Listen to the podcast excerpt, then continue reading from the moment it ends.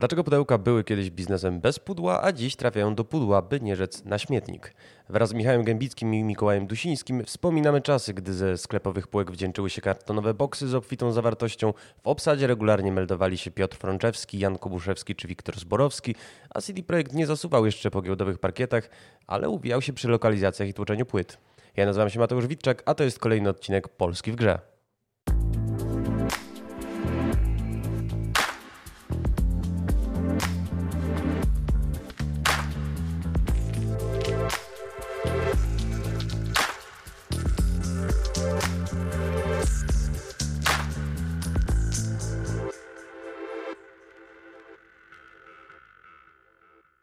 Moim i Państwa pierwszym dziś gościem jest y, Michał Gębicki, Klabater. Cześć Michale. Cześć, witam Państwa. Y, Michale, my się mm, dawno nie widzieliśmy, a na pewno dawno nie mieliśmy okazji porozmawiać w formie wywiadu. I ja sobie odgrzebałem nasz wywiad sprzed kilku lat. To znaczy, ty y, zakładając wówczas Klabatera, wypowiedziałeś takie zdanie, które no, okazało się z perspektywy czasu prorocze. Zacytuję. Lata fizycznej dystrybucji są policzone, stąd musimy myśleć, za co będziemy żyć. E, no cóż, no, znaczy, to, to było myślę nieuniknione. Wiele, wielu, wiele wskazywało na to, że e, już wtedy, kiedy rozmawialiśmy, tak, wiele wskazywało na to, że zmienia się rynek, zmieniają się preferencje konsumentów, którzy na nim e, się znajdują. No, a gracze to jest akurat taka grupa klientów, która jest, można powiedzieć, bardzo nowoczesna i, i od dość dawna już ta grupa no, jakby podążała za wszystkimi możliwymi trendami, w tym za trendem cyfrowej dystrybucji. Bardzo gwałtowny wzrost gdyby Steama, tak, jak serwisów e, takich jak GOG, jak Steam, jak wszystkie inne platformy cyfrowe oraz fakt, że jest to, jest to zdecydowanie najbardziej intuicyjna i najłatwiejsza forma kupowania gier, czyli pobieranie ich po prostu przez sieć bezpośrednio na dysk sprawiła, że, że tak, że ta dystrybucja taka tradycyjna, znana nam głównie z lat 90. i później, kiedy ona miała swoje największe e, sukcesy, się po prostu skończyła. E, a cofnijmy się trosze, na chwilę do tych lat 90., e, kiedy ta dystrybucja była mocna. No bo CD Projekt, e, zanim jeszcze zaczął być gigantem, który rozdaje karty na giełdzie, zanim jeszcze zaczął być producentem, zanim pojawił się GOG, no był przede wszystkim dystrybutorem i od dystrybucji się czasy jego świetności właściwie zaczęły. No tak, to jeżeli popatrzysz na w ogóle rynek nasz polski, to wiele jest przykładów firm, które od tego zaczynały no, chociażby, nie wiem, City Interactive też, takich teraz e, znanych deweloperów, czy, czy, czy Techland, który też miał przecież epizod tak, z, dystrybucją fizyczną. Po prostu w tamtych czasach dystrybucja fizyczna była e, głównym kanałem sprzedaży gier. E, to, to wiąże się z tym, że, że z jednej strony internet nie był wtedy jeszcze na tyle dojrzały, żeby można było przez niego sprzedawać gry wiele czynników, tak, od e, powiedzmy problemów z płatnościami, problemów z kontrolą e, praw autorskich, e, czy w ogóle po prostu problemów technicznych z pobieraniem czegokolwiek przez internet, sprawiło, że jedynym sensownym sposobem sprzedaży gier było, było po prostu wystawianie ich na półkach sklepowych, w pudełkach, na nośnikach fizycznych ja pamiętam jeszcze spokojnie oczywiście czasy nośników fizycznych postaci dyskietek, e, ale no głównie największy boom to były, to były płyty, czy CD, czy później DVD. No i tak, no to wszyscy wtedy dystrybuowali swoje gry tylko w tej postaci. Z tego powodu było to dosyć trudne, dlatego że no w tej chwili cyfrowo powiedzmy, że nie musimy się martwić o to, że gra będzie dostępna w każdym zakątku świata, bo po prostu wciskamy przycisk opublikuj i ona się publikuje i każdy może sobie ją pobrać. O tyle w tamtych czasach, żeby twoja gra była dostępna na przykład w Stanach Zjednoczonych e, na półkach sklepowych, trzeba było oprócz tego, że się ją e, fizycznie wyprodukuje i już e, tam dostarczy, no to trzeba było mieć też kogoś, kto na miejscu tą, tą grę do tych sklepów dostarczy, dowiezie, wyłoży na półkę, przypilnuje, żeby było odpowiednio, odpowiedni taki anturaż tak, marketingowy wokół tych tytułów e, przygotowany i tym zajmowali się właśnie dystrybutorzy. Stąd świat podzielił się na terytoria. W najmniejszym wypadku były to terytoria krajowe, w większych wypadkach byli to dystrybutorzy zajmujący się regionami, czy całą Europą, czy częścią Europy. Tak jak na przykład wtedy w czasach e, tych CD Projekt był takim dystrybutorem regionalnym, który miał swoje biura w Czechach, na Słowacji, w Polsce właśnie. Wybacz, że ci wejdę w słowo, ale strasznie tak. nam skacze głośność. I zastanawiam się, z czego to e... wynika głośność?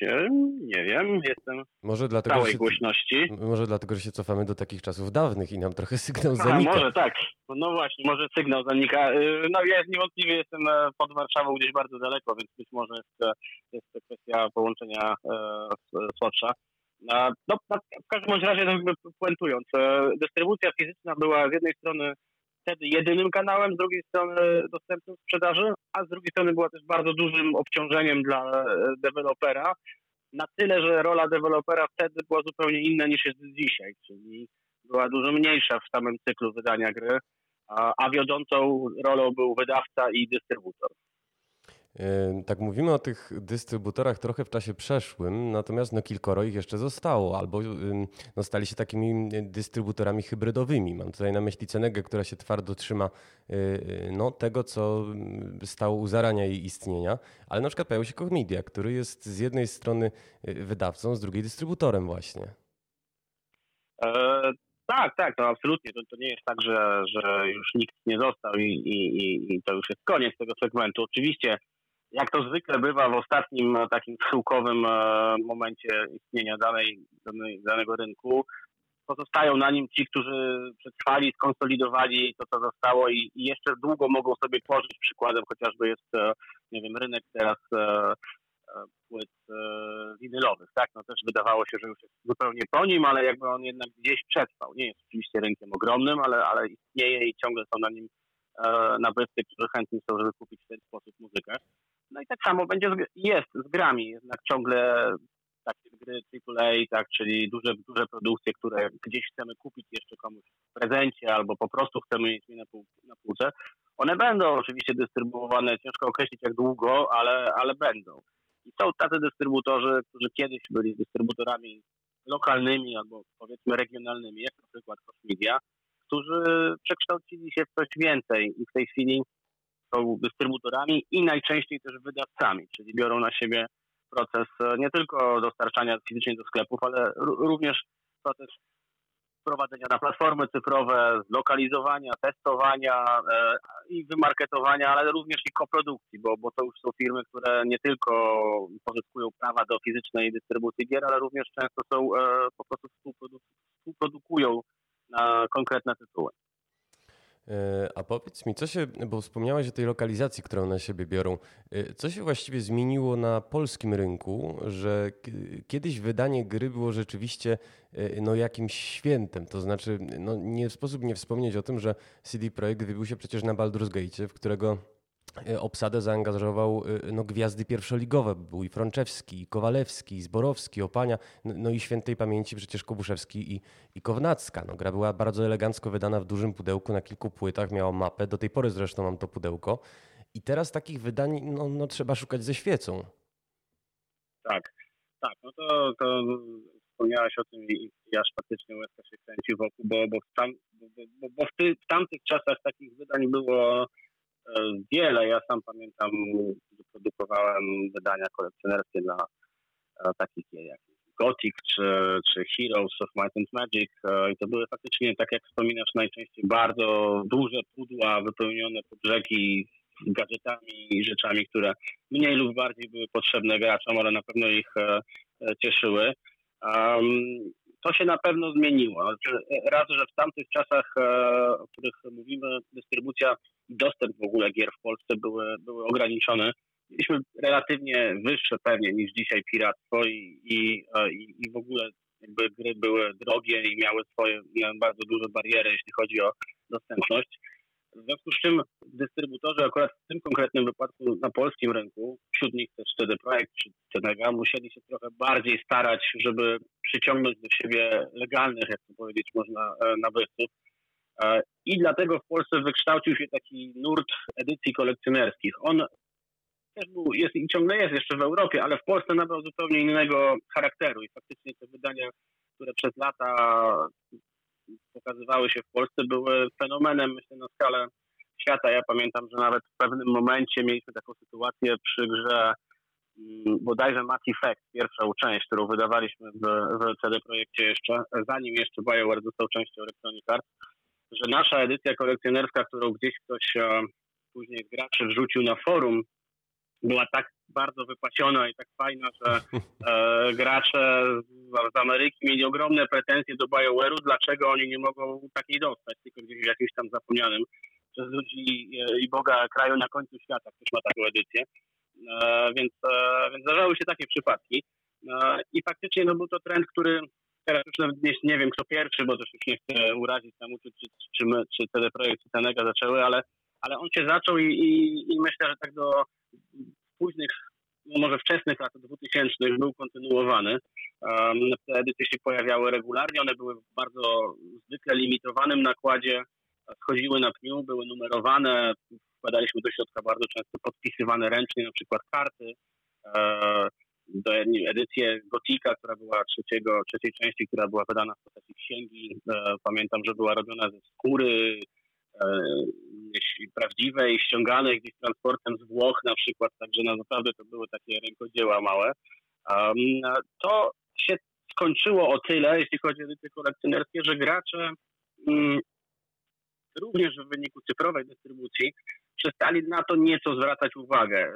Oczywiście jakaś część e, takich hardkorowych, ortodoksyjnych, nazwijmy graczy, ciągle sobie to ceniła, ale większość przestała jednak e, się zwracać uwagę na dodatki fizyczne i przekierowała swoją uwagę na cenę. No, mówiąc wprost, ta konkurencja cenowa jednak e, pokonała tą konkurencję kontentową, jak ją byśmy nazwali. Trudno było znaleźć już coraz bardziej nabywców na te edycje kolekcjonerskie, ponieważ one są w ogóle bardzo drogie w produkcji i to powiem, e, pewnie było jest taką e, tajemnicą Poliszynela w branży, no zwykle były robione trochę tak na zasadzie na zero, czyli ten wkład, który był, e, był na tyle drogi, że zyski z tej sprzedaży tych kolekcjonerskich części były takie powiedzmy w okolicy zera, mm, ale one generowały marketing, no tak, czyli, tak, czyli powodowały, dawały prestiż i dawały, przyciągały uwagę czy mediów, czy graczy do danego tytułu no z czasem były coraz mniej rentowne i coraz mniej e, opłacały się e, w produkcji. Dobra, zatrzymajmy się na chwilkę, ponieważ... Jeśli, mhm. Jeszcze tylko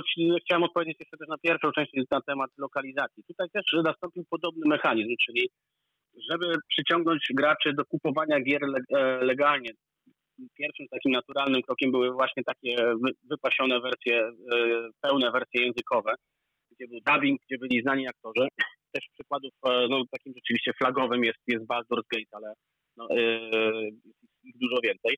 Ciągle tam myśl jest kontynuowana przy naszych polskich grach. Jeżeli popatrzy się na Wiedźminy czy, czy, czy gry innych polskich producentów, no to jest tam ta pełna lokalizacja. Natomiast niestety tutaj również zaczął e, czynnik ekonomiczny grać rolę i przy coraz większych spadkach sprzedaży fizycznej produktów, ta lokalizacja też przestała być rentowna. W związku z tym e, plus niewątpliwie gracze też się zmieniali i ci gracze, ja ich no, nie wiem, mogę ich określić jako graczami nowymi czy młodymi graczami, oni przestali chcieć mieć gry dubbingowane w dużym stopniu. To był, to był duży procent głosów, który do nas trafiał, że e, e, gracze wolą mieć oryginalną ścieżkę dźwiękową i napisy, no i w rezultacie uszczęśliwianie ich na siłę przestało mieć już trochę sens.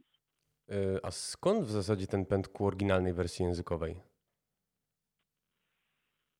No, po pierwsze dlatego, że lokalizacja głosowa jest w ogóle trudny, trudny, trudna do wykonania i, i żeby ją dobrze zrobić... Ale pytam o graczy, naprawdę... pytam o graczy.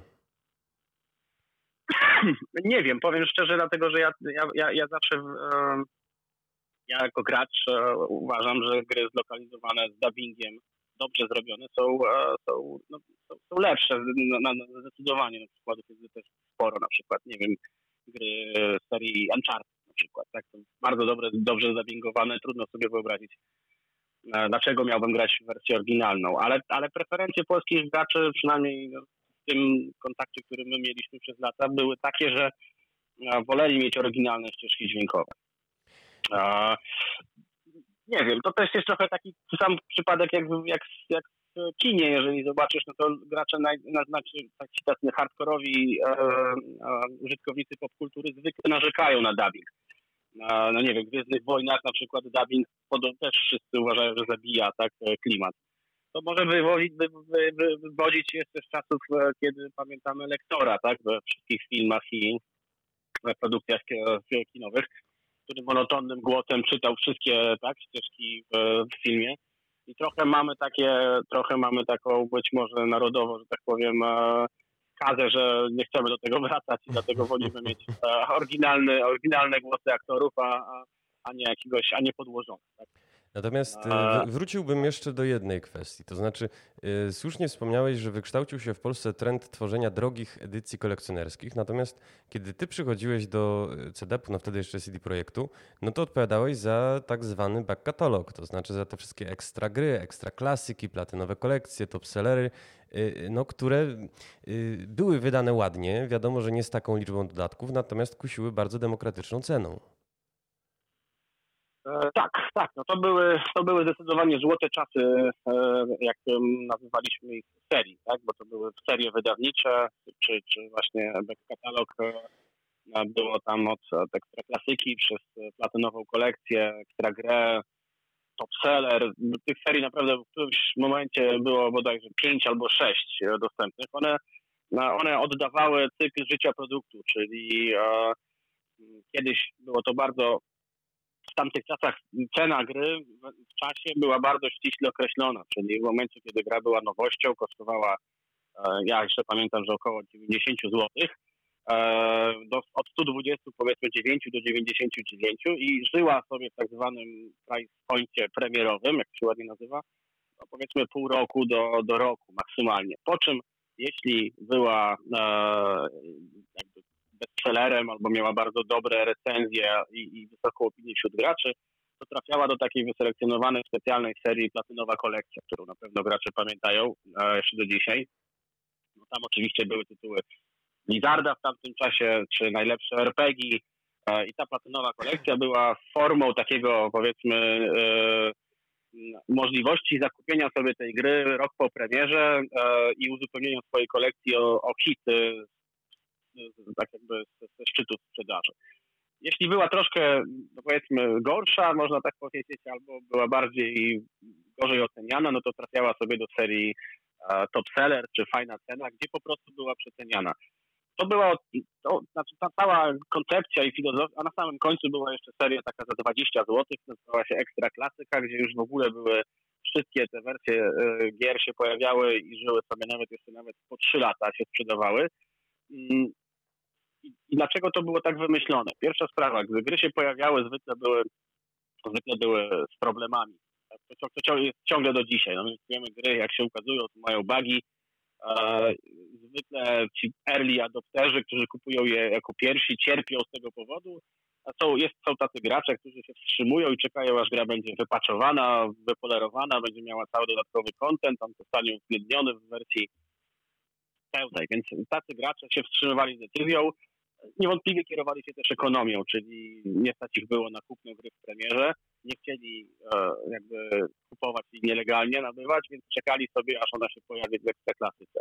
I te serie budżetowe według mnie spowodowały ucywilizowanie w pewnym, wydaje się, aspekcie rynku, czyli dzięki nim e, kupowanie gier legalnych stało się po prostu normalną rzeczą, tak? E, trochę wyjęło to z rąk, wydaje mi się, wymówkę wszystkim, że nie kupuję, bo to za drogie.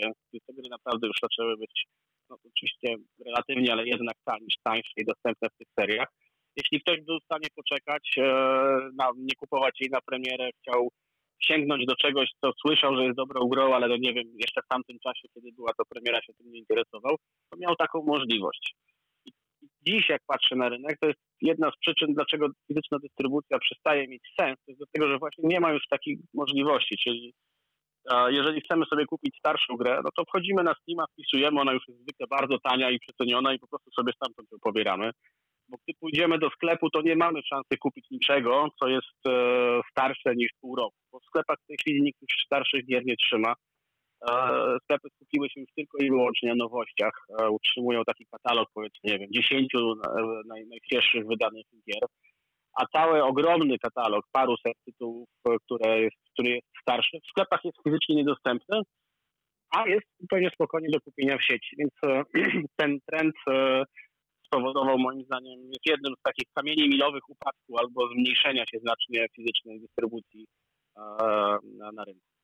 E, mamy pewną dziurę w rozmowie. To znaczy, mm, faktycznie rozmawialiśmy o tych pięknych złotych czasach, kiedy e, Herosi Piątka potrafili się sprzedać w, nie pamiętam, chyba 80 tysiącach egzemplarzy, tak. E, kiedy były no, przewspaniałe edycje czy Neverwinter Nights 2, czy generalnie RPGów, bo to z RPGów żeście słynęli i przeskoczyliśmy do czasów nam współczesnych, kiedy rzeczywiście wystarczy mi kliknięcie, mogę wejść na Goga, mogę wejść na Steama, ale kiedy ty przyjmowałeś y, CDEP, który się no, wyodrębnił z CD Projektu w 2014, y, no sytuacja była, zdaje się, dość y, patowa. To znaczy, wybacz, że to stwierdzam, ale anturaż tego przejęcia był taki. Cyfrowa sprzedaż robi się z roku na rok coraz mocniejsza. Ceny no, dawno już dogoniły zachodnie. Już nie mamy tych ulg, które jako kraj rozwijający się wydawcy nam czasem udzielali. W dodatku no, gospodarka się wciąż podnosi po y, upadku banku Lehman Brothers. Jesteśmy wszyscy w kryzysie ekonomicznym. Wiadomo, że ludzie mniej wydają na gry wideo. Y, I Wiński i Kiciński dawno już zauważyli, że no, w zasadzie ta dystrybucja to się trochę mniej zrobi opłacalna, no bo przecież zaraz tutaj wejdą Electronic Arts i Ubisoft, skoro Polska się staje coraz większym rynkiem, otworzą swoje przedstawicielstwa. I to mnie skłania do pytania, dlaczego wyście właściwie przejęli y, no, te dy dystrybucyjne skrzydło CD Projektu? Kiedy już było tyle znaków. Jasne. No cóż, e, faktycznie, z perspektywy czasu to zwykle wszystko. Człowiek jest zawsze mądrzejszy, więc tak jakby e, zgadzam się z opisem sytuacji, który przedstawiłeś. Nie, a nie aż tak czarno ona wyglądała w tamtym momencie, wydaje się. Oczywiście to, to była trudna sytuacja, bo takimi dwoma pewnie najważniejszymi czynnikami był fakt, że rzeczywiście grupa CD Projekt w tamtym czasie już ewidentnie skręciła w kierunku produkcji gier i ta dystrybucja jej nie leżała nie była po drodze po prostu i była jedynym elementem, który CD Projekt robił już lokalnie, podczas cała już grupa firm e, zajmowała się rynkiem globalnym. E, e, natomiast jeśli chodzi o rynek, to jeszcze wtedy nie było aż tak bardzo widać, że ta dystrybucja cyfrowa jest w stanie ten e, rynek ostatecznie konsumować czy kanibalizować. Jeszcze ciągle wierzyliśmy, że jesteśmy w stanie na nim się jakby no, utrzymać. Zresztą utrzymaliśmy się przez wiele lat, tak? Więc, więc powiedzmy, że, że, że, że pełnej świadomości tego, jaka będzie przyszłość, wtedy nie mieliśmy. E, natomiast, e, e, co chciałem powiedzieć, rzeczywiście ten, ten trend negatywny, takiego tak tego nazwijmy, czyli który sprawił, że gry przestały być już tak fajnie rzemieślniczo wydawane w Polsce. On, on jest po części również efektem zmiany w ogóle położenia Polski na mapie rynków. Czyli w tamtych latach, nazwijmy ich słodkich latach 90. czy początku lat 2000 Polska była zwykle takim rynkiem, który tam był określany jako emerging market, czyli rynek wschodzący, znajdujący się na peryferiach e, grubsza dużego cywilizowanego świata, jeśli chodzi o sprzedaż gier wideo. W związku z czym wydawcy, którzy byli właścicielami praw czy e, globalnych, mieli, mówiąc wprost, mniej lub bardziej taki luźny stosunek do tego, co my tutaj sobie zrobimy z tą grą w Polsce. Ważne po prostu, żeby została ta gra opłacona, tak? jeśli chodzi o, o tantiemy, prawa i tak dalej. To dawało bardzo dużą wolną rękę nam, lokalnie, a zawsze jednak nasza świadomość tego, co tutaj lokalnie na rynku jest dobre, była wyższa niż gdzieś globalnego wydawcy. Stąd te wszystkie rzeczy, takie jak ekstraklasyka, platynowe kolekcje, edycje kolekcjonerskie, bardzo często były, e, były, były możliwe tylko dlatego, że wydawcy zagraniczni po prostu nie zwracali na to uwagi, nie do końca ich to interesowało, mówiąc wprost, jakby zezwalali na robienie rzeczy eksperymentalnych na eksperymentalnym terytorium. To z jednej strony niestety zaczęło się zmieniać e, właśnie w takich latach późniejszych 2000, powiedzmy od 2011 roku po tym dużym kryzysie, kiedy rynek zaczął wychodzić, Polska zaczęła bardzo szybko nadganiać, jeśli chodzi o sprzedaż, o wolumen, zaczęła się bardzo liczyć. Tak? Potrafiliśmy tutaj Polsce bardzo duże ilości już gier zacząć sprzedawać. W związku z czym padliśmy nieco też ofiarą tego sukcesu, bo, bo po prostu zaczęliśmy być bardziej istotni gdzieś w rachunku zysku i strat tych dużych e, firm i zaczęły one zwracać większą uwagę i stosować metody, narzucać często też metody, które działały na rynkach zachodnich podczas kiedy nasz rynek i nasz klient był przyzwyczajony do zupełnie innego traktowania. I tak na pewno zauważyłeś, że w którymś momencie gry zaczęły być wydawane w taki właśnie ubogi, można powiedzieć, sposób, tak? Czyli za pudełko, płyta i kartka do środka, tak? No Albo... nie dało się tego nie zauważyć, fakt. No właśnie, tak? Albo w którymś momencie, no już teraz to już bardziej ostatnio skrajnym, tam sam kod do zdrapania z grą w środku, tak? Um, to się też e, zaczęło łączyć z jednej strony z tym, że wydawcy coraz bardziej byli uzależnieni od Steama. Kiedyś tak nie było, kiedyś to jednak była fizycznie ta gra znajdowała się na tej płycie, tak? I, I trzeba ją było sobie zainstalować i można było nawet grać o dziwo bez połączenia z internetem, tak? Natomiast e, w którymś, tam, w którymś momencie zaczęło to już być e, po prostu no, taką trochę bardziej zaawansowaną dystrybucją kluczy do Steama, tak?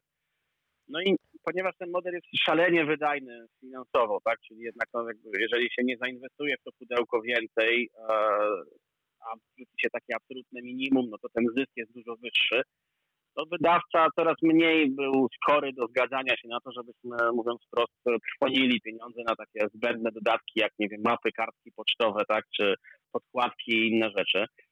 Jednocześnie, ponieważ rynek zaczął być e, bardzo lukratywny i przynosić coraz wyższe e, przychody wydawcom, no to oczywiście uważali oni, zaczynali oni coraz więcej mieć większy udział tak, w, tej, e, w tym przychodzie i zaczęli te swoje tantiemy podwyższać tłumacząc to faktem, że jakby częściowo oni zajmują się marketingiem, ponieważ robią go globalnie, a Polska jest elementem globalnego rynku, więc e, jakby też ponoszą te koszty, w związku z tym muszą mieć wyższe udziały w, w zyskach i w przychodach.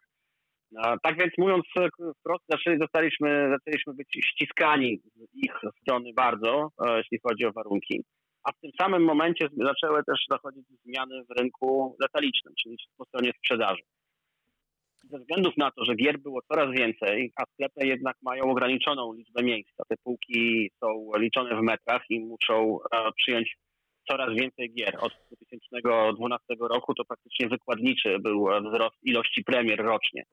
To, to sklepy zaczęły coraz mniej chętnie przyjmować na półki gry, które sprzedawały się poniżej określonych ilości. I tutaj dochodzimy do tego słynnego właśnie problemu back katalogu, tak? Czyli fajnie, że jest dostępna ileś starych gier po 19 zł, no ale jednak każdy z tych tytułów sprzedaje się w liczbie, no powiedzmy, paruset sztuk. Owszem, regularnie, ale jednak paruset sztuk miesięcznie. Zamiast tego lepiej stawić jeden duży bestseller, który sprzeda parę tysięcy sztuk, prawda? A zaoszczędzimy sobie miejsca tak zwanych face'ów, czyli tych frontów, tak, gdzie stoi okładka z grą i będziemy mieli tam jedną konkretną pozycję. W związku z tym zaczęto tworzyć taką strategię, że sklepy zaczęły koncentrować się tylko na top sellerach, czyli 5 czy 10 e, tytułach, które się najlepiej sprzedają, a wydawcy zaczęli ściskać od strony warunków, e, e, dostawiając coraz mniejszy margines dla lokalnego dystrybutora na to, żeby on sobie mógł coś tutaj lokalnie wymyślić i zacząć działać. No i nieuchronnie w ten sposób w tych takich kombinerkach no, życie dystrybutora zaczęło być coraz bardziej trudne i coraz bardziej ograniczone do takiej prostej logistycznej usługi, tak? Czyli odebrania towaru z magazynu, dostarczenia na półkę i, i, po prostu, no i odebrania go z powrotem, kiedy się nie sprzedaje. Myślę, że to był taki moment, w którym my zaczęliśmy jakby też tracić pewnie serce do tego biznesu, dlatego że jakby naj, najfajniejszym elementem, i tu wrócę do tego momentu, dlaczego zdecydowaliśmy się to przejąć, było to, że wydawanie tych gier w Polsce było, było bardzo interesujące, tak? Zarówno od strony marketingowej, czyli zbudowania świadomości tego tytułu wśród graczy, jak i właśnie od strony produktowej, czyli wydania go, dopieszczenia, zrobienia fajnej lokalizacji, wrzucenia masy dodatków. To była fajna przygoda i bardzo taki e, nagradzający, e, e nagradzający biznes, dlatego że później widać było, jak, jak ci gracze w Polsce się cieszą, tak, i jak mają, mają, dostają produkty o jakiejś unikatowej wartości kiedy zaczęło to być po prostu przerzucaniem trochę towaru, tak mówiąc już bardzo, no, bardzo e, kolokwialnie, no to, to, to rzeczywiście zaczęliśmy wszyscy mieć z tym e, problem, bo, bo, bo, bo ten romantyzm lat 90. i, i późniejszych zupełnie zniknął e, od tak mniej więcej 2000, myślę, 12 roku. Y, bardzo smutna konstatacja na koniec y, audycji. Natomiast, no cóż mogę powiedzieć, miło było wspominać. Bardzo Ci dziękuję za, y, za to, że znalazłeś czas. Moim i Państwa gościem był Michał Gębicki, dziś Klabater, wcześniej CEDEP. Dziękuję bardzo. Dziękuję bardzo i summa summarum na całym końcu jednak wszystko się skończyło dobrze, bo gry są dostępne i można jeszcze grać, a coraz bardziej widzę, że cyfrowo pojawiają się też takie coraz bardziej bogate wydania, więc, więc myślę, że każdy trend, ten też się kiedyś odbije. I dziękuję w takim razie, że nieco nam optymizmu dołożyłeś. Trzymaj się, Michał.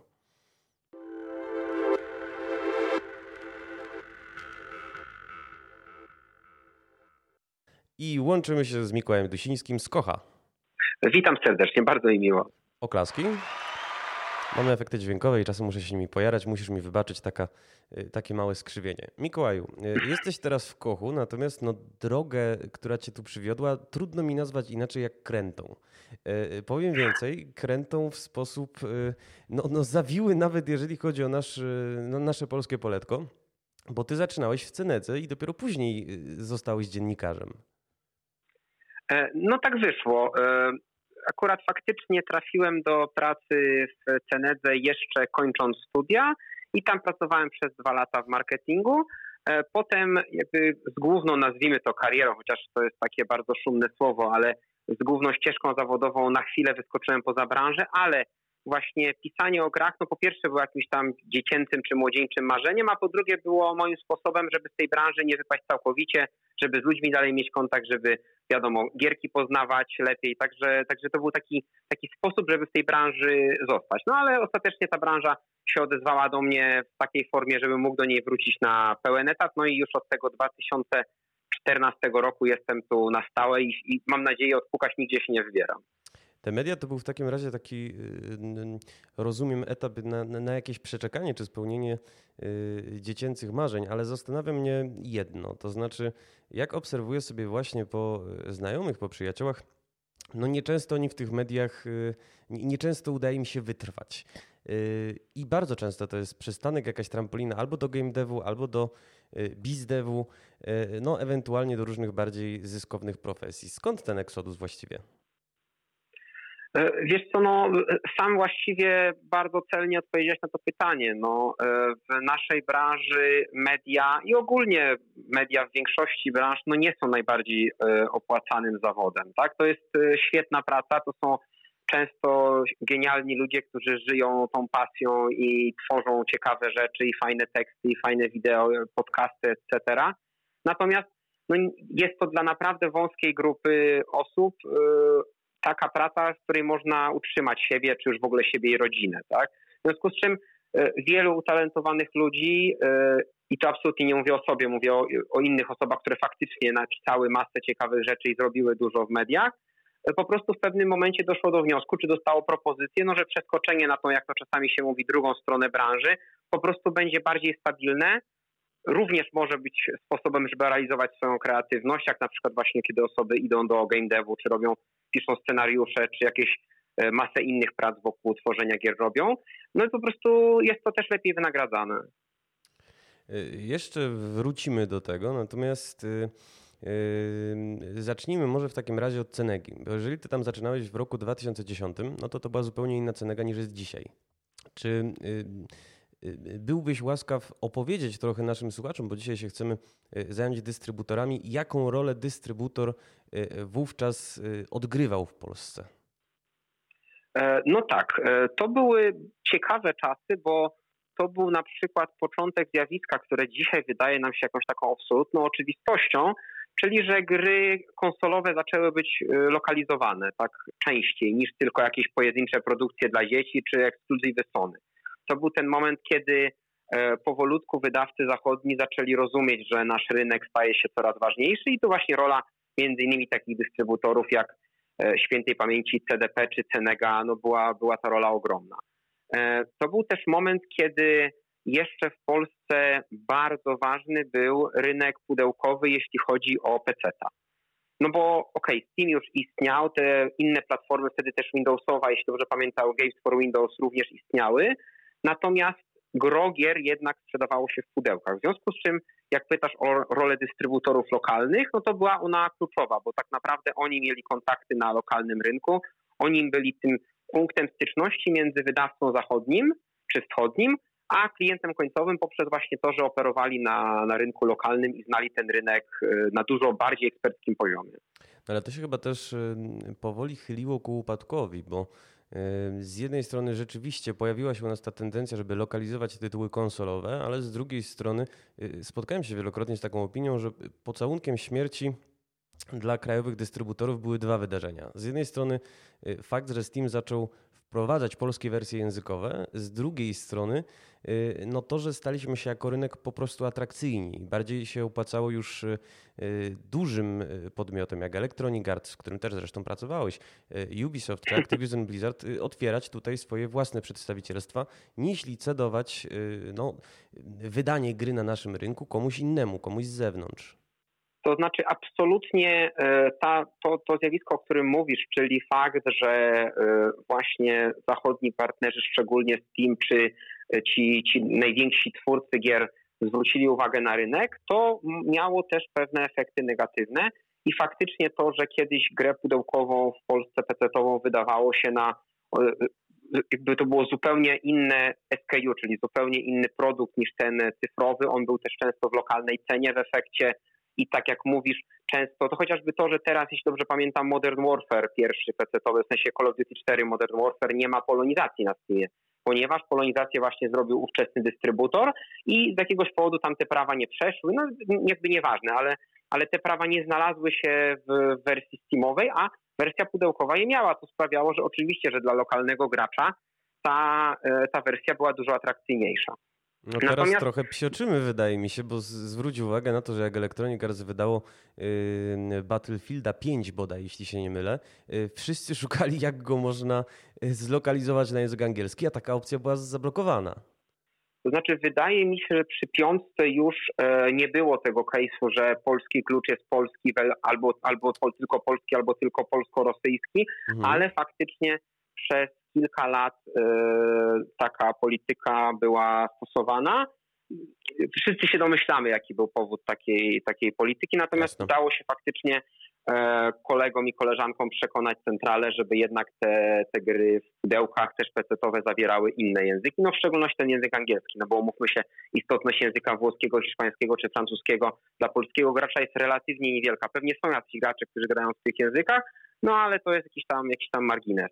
Natomiast wracając jeszcze na chwilę do historii dystrybucji, bo ja nie do końca zgodzę się z tezą, że ten powiedzmy 2010-2011 to był trudny okres dla dystrybutorów. To jeszcze wydaje mi się, że z racji tego, że jeszcze PC gaming pudełkowy miał się całkiem nieźle, a rosła dość radykalnie, oczywiście częściowo dzięki temu, że Xbox był piracony i dlatego on się popularyzował w Polsce, ale jednak baza konsol rosła dość istotnie. PlayStation też wtedy włożyło ogromne pieniądze i środki marketingowe, żeby PS3 tego Xboxa przegoniło i de facto powiększało ten rynek. Także były plusy i były minusy. Oczywiście były też sytuacje, gdzie poszczególni dystrybutorzy po prostu za bardzo w jakieś produkty zachodnie na przykład uwierzyli, włożyli w nie gigantyczne pieniądze, a potem te pudełka walały się na magazynach. Natomiast to jeszcze nie był taki najgorszy moment. Wydaje mi się, że te trudniejsze czasy przyszły trochę później. E, może w 2015, kiedy dołączyłeś do CDP.pl, które się już przypomnę wtedy e, no, wyodrębniło z CD Projektu za sprawą, e, jak to było określone przez, przez Gębickiego, przyjacielskiego wykupu. No i wyraźnie stawiało wówczas na Klabatera. No przypomnę, że niedługo później przecież CDP.pl, to znaczy sklep został sprzedany, no a wszyscy wiemy jak CDP jako dystrybutor skończył parę miesięcy temu.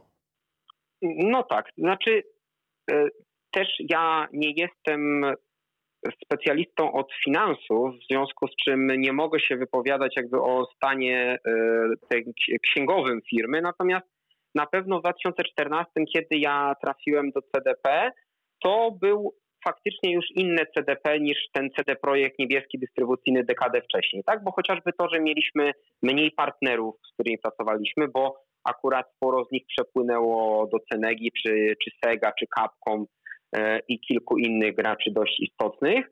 E, natomiast fakt, że CDP mimo wyjścia z grupy CD Projekt dalej zajmowało się marką Wiedźmin i zostało rok później, czyli właśnie w tym 2015 wydawcą e, Wiedźmina na premierę i potem dodatków, etc.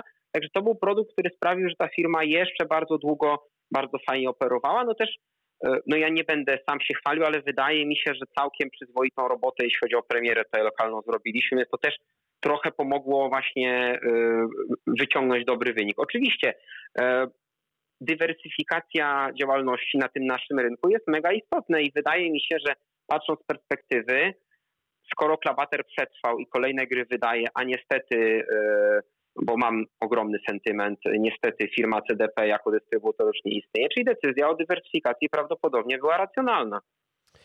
Nie da się ukryć. Y, natomiast y, Mikołaju, bo zaraz mi to umknie, y, pojawiły się dwa bardzo istotne wątki, które chciałbym doprecyzować. Jako, że faktycznie no, siedzisz w tej branży w zasadzie całe swoje dorosłe życie i byłeś związany i z mediami, i z dystrybutorami, dystrybutorami i z wydawcą czy wydawcami.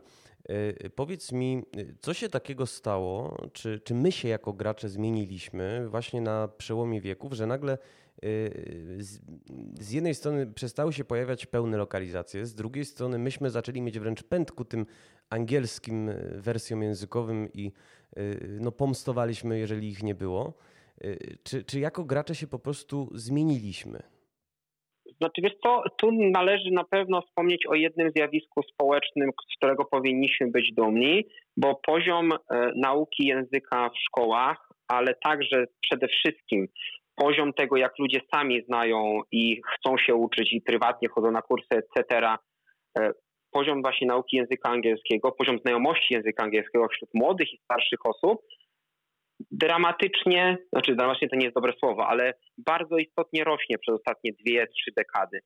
E, ja pamiętam już właśnie czasy, kiedy ja byłem w szkole, gdzie jeszcze w mojej podstawówce nawet nie było nauczyciela angielskiego, ja się uczyłem tylko prywatnie, bo w podstawówce mieliśmy rosyjski, a dzisiaj angielski jest standardem. Oczywiście on nie wszędzie jest na jakimś super poziomie prowadzonym, ale jednak jak patrzymy potem na rankingi, jak na przykład Polacy są oceniani, jeśli chodzi o znajomość z perspektywy obcokrajowców, którzy tu przyjeżdżają do pracy, do, na, na studia, na, jako turyści, to naprawdę nie mamy się już czego wstydzić. Oczywiście jeszcze jesteśmy, nie jesteśmy na poziomie, nie wiem, Holandii, Danii czy tych krajów, gdzie od 60 lat się inwestuje w naukę języka i gdzie każdy ma tego świadomość, natomiast absolutnie nasi gracze dzisiaj po prostu lepiej znają język angielski, w związku z czym większa grupa czuje się komfortowo i oczywiście nie każdy zagra w Disco Elysium po angielsku, no bo to jest gra, która wymaga no. naprawdę e, niesamowitej znajomości angielskiego i tych, e, te wszystkie gry słów. No tak naprawdę to jest czytanie e, poważnej książki gdzieś tam z pogranicza kryminału i powiedzmy political fiction. No, I przeglądu w zasadzie filozofii politycznej, bo tam zauważ bardzo dużo Dokładnie. jest takiej nomenklatury już naprawdę bardzo profesjonalnej. No i też mają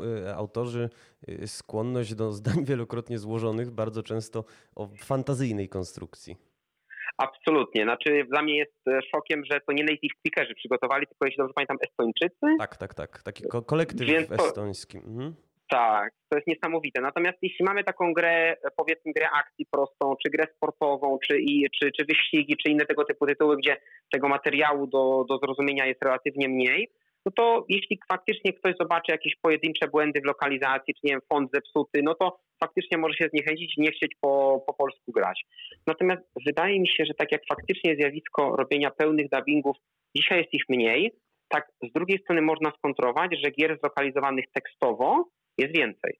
Bo za każdym razem, kiedy z różnych powodów, bo to mogą być powody ekonomiczne, to może być niechęć wydawcy, bo na przykład znam jednego dużego zachodniego wydawcę, z którym miałem jako dystrybutor przyjemność pracować, który do dzisiaj nie pozwolił na polonizację swoich gier, mimo tego, że biznesowo było pokazane, że to się absolutnie spina i jak to zwiększy sprzedaż. Który to wydawca? Większość wyda...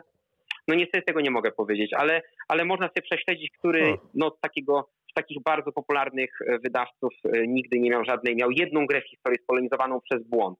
Znaczy jakby ktoś klepnął lokalizację i potem się chyba zorientował, że to nie był portugalski, tylko polski, ale już projekt poszedł. E, natomiast poza tym nigdy nie miał żadnej gry wydanej e, po polsku, ale wszyscy inni gracze i to nawet tacy bardzo konserwatywni japońscy deweloperzy, tak, mm -hmm. czy Namco, czy Sega, czy inni, zezwolili na polskie lokalizacje, więc wydaje mi się, że taki komfort jak dzisiaj ma gracz, Polski był nigdy niespotykany. I mało kto wycofuje się z lokalizowania, bo też mamy zjawiska, gdzie się na przykład porównamy z naszymi sąsiadami, którzy teoretycznie są od nas troszkę bogatsi, czyli z Czechami. Oni mieli w pewnym momencie boom na lokalizację, a dzisiaj, e, jak żeśmy promowali Iron Harvest, grę, która za chwilę ma premierę, jak żeśmy ogłosili, że będzie czeska lokalizacja, no to it was a big thing, że tak powiem, na tym rynku, bo... A pełna okay, czeska lokalizacja? E, tekstowa. Mhm. I dalej tekstowa lokalizacja czeska to było jakieś wydarzenie, ponieważ okej, okay, Ubisoft robi, e, i jej robi część gier, ale większość innych, e, jeśli dobrze kojarzę, większość innych dużych graczy już czeskiej, czeskiej wersji nie przygotowuje. Natomiast my w Polsce mamy odwrotną sytuację. Jak powiedzmy, no teraz w aktualnej firmie, żeby nie używać przykładu przypadków poprzednich, jak gra Shenmue 3, no czyli tytuł wiadomo niszowy w Polsce na maksa, ale jednak mający bardzo głośną grupę hardkorowych fanów, jak nie było lokalizacji tej gry, no to tam były głosy od razu właśnie, że dlaczego nie ma, nie ma lokalizacji, etc., ponieważ polski gracz się przyzwyczaił, że ma ten wybór, tak. Ale przecież wiesz, Shenmue nigdy nie miał polskiej lokalizacji, co więcej, żeby w niej dzisiaj Oczywiście. zagrać, no aż do tego remastera, trzeba było naprawdę no, stanąć na rzęsach. Tak, emulatory Dreamcasta albo Dreamcast, tak, tak, absolutnie. Albo Xbox pierwszy, tam była wersja dwójki, tam z jedynką wersji filmiku, nieistotne. Natomiast tak, Dzisiaj gracz polski jest na tyle przyzwyczajony do polonizacji, że jeśli widzi, że jakaś gra polonizacji nie ma, to nawet jeśli on sam będzie grał po angielsku, to i tak e, jest w stanie, że tak powiem, wypunktować to i, i zwrócić uwagę, czy to wydawcy, czy dystrybutorowi, że tak, że to nie jest coś, co powinno się praktykować. Okej, okay, a ten gracz polski, bo y, wspomniałeś o jednej rzeczy podczas naszej rozmowy, która mnie bardzo nurtuje. Y, w co ten gracz polski nie gra? Bo wspomniałeś, że były y, hale pełne pudełek niesprzedanych. Także bardzo mnie ciekawi, na jakie tytuły w swojej karierze natrafiłeś, które no, pomimo tego, że włożyliście wysiłek i w wydanie, i w marketing, i w komunikację z mediami, no po prostu w Polsce nie zażarły. E, wiesz co, no, e, nie będę może używał konkretnych przykładów, natomiast można uogólnić gatunkowo, bo e, polski gracz kocha gry sportowe. Oczywiście chodzi o symulację tych sportów, które w Polsce się ogląda, no to to jest dość oczywiste. Polski gracz kocha absolutnie sam, wszelkie samochodówki, zarówno symulatory, jak i arcade'y. Tak mówię, porównuję polskiego gracza mhm. w porównaniu do przeciętnej światowej, tak? Więc mam wrażenie, że u nas jest właśnie nadreprezentacja tych dwóch rodzajów gier to na pewno.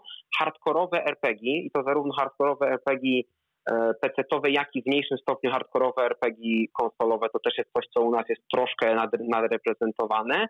Natomiast wszelka inna, e, jak to się mówi potocznie, japońszczyzna u nas się nie sprzedaje. I nawet jak są są wyjątki oczywiście, są jakieś pojedyncze wyjątki, nie Final Fantasy VII, tak, która jest marką, która też w Polsce wypromowała pierwszego PSX-a, do której ludzie mają gigantyczny sentyment, ale na przykład pozostałe finale to już nie kojarzę, żeby były jakimś gigantycznym sukcesem komercyjnym. Natomiast e, większość innych gier japońskich to niestety, tak jak one są na przykład gigantyczne w Stanach i nam czasami jak konsumujemy te media zagraniczne, podcasty youtuberów amerykańskich, to nam się wydaje, że jakieś tytuły są gigantami rynku. No u nas w Polsce to jest nisza, tak? To oczywiście chce zagrać i zrecenzować iluś redaktorów, chce iluś osób z tej tak zwanej, ja to się śmieję czasami, banieczki fanów e, jest zainteresowana, natomiast potem się okazuje, że na, przez rok sprzedaży od premiery nie zeszło tysiąc kopii tej gry nawet w Polsce, prawda?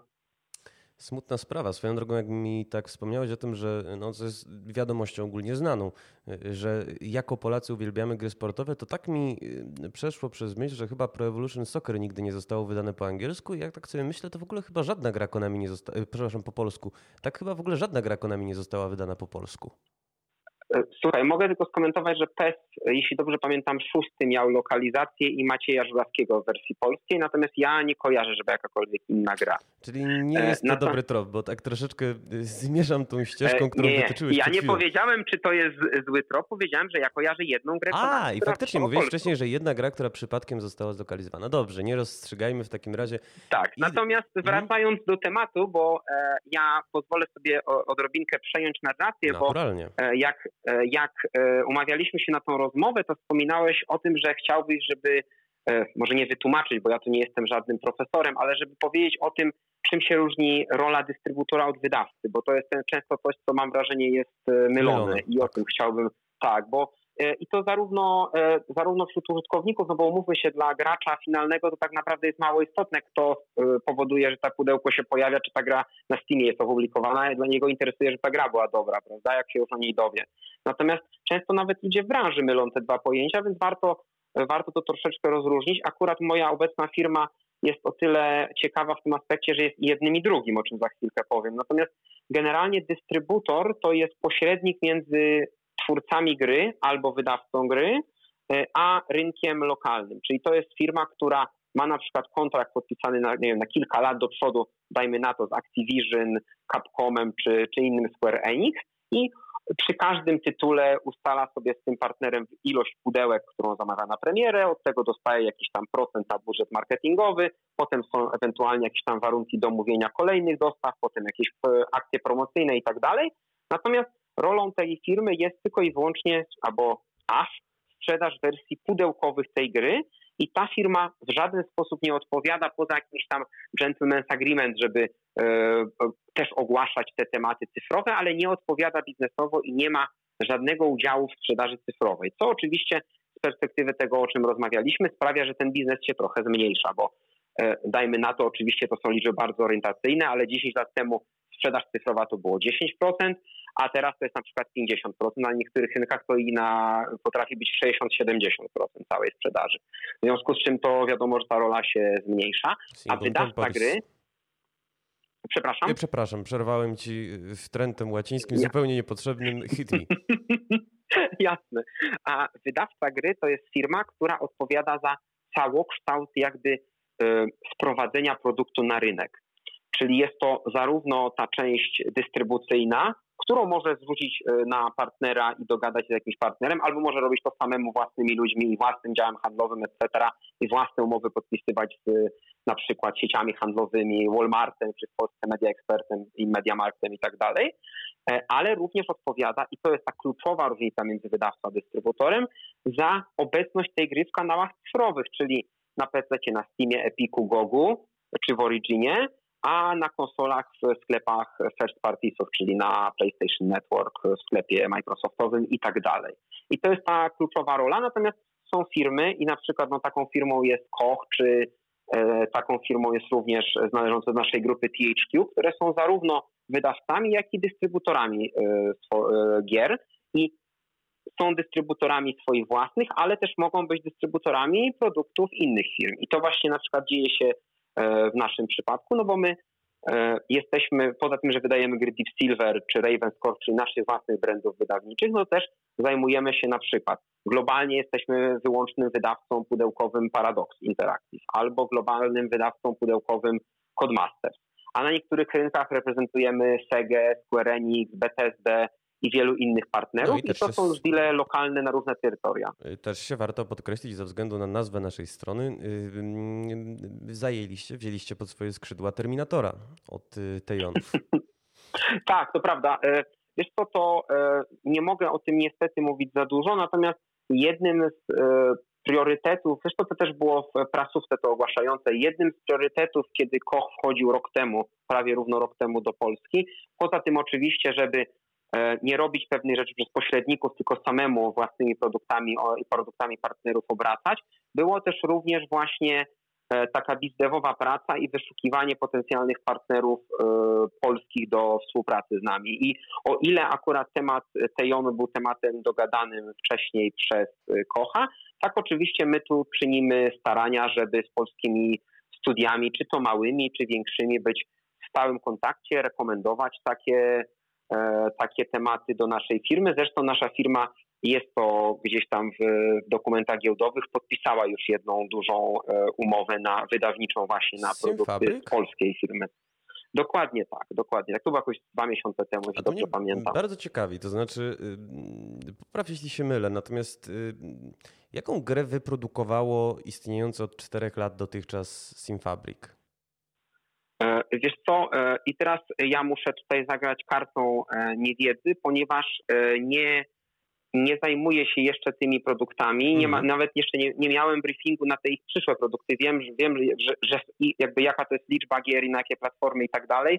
Natomiast ja tutaj z perspektywy osoby zajmującej się marketingiem, komunikacją, poza właśnie komunikatem giełdowym, który dostaliśmy chwilę wcześniej, żeby nie być zaskoczeni, kiedy to zostanie ogłoszone, nic więcej w tym kierunku nie robiłem. Także tutaj co najwyżej w, te, w tego typu tematach ogólnie wizdewowym, to tu polecam rozmowę przy na przykład innej okazji z moim szefem Maćkiem Turskim. Też Bardzo zresztą, no, Bardzo w porównaniu właśnie, w porównaniu weteranem branży, bo chyba 25 lat już w tej branży będącym.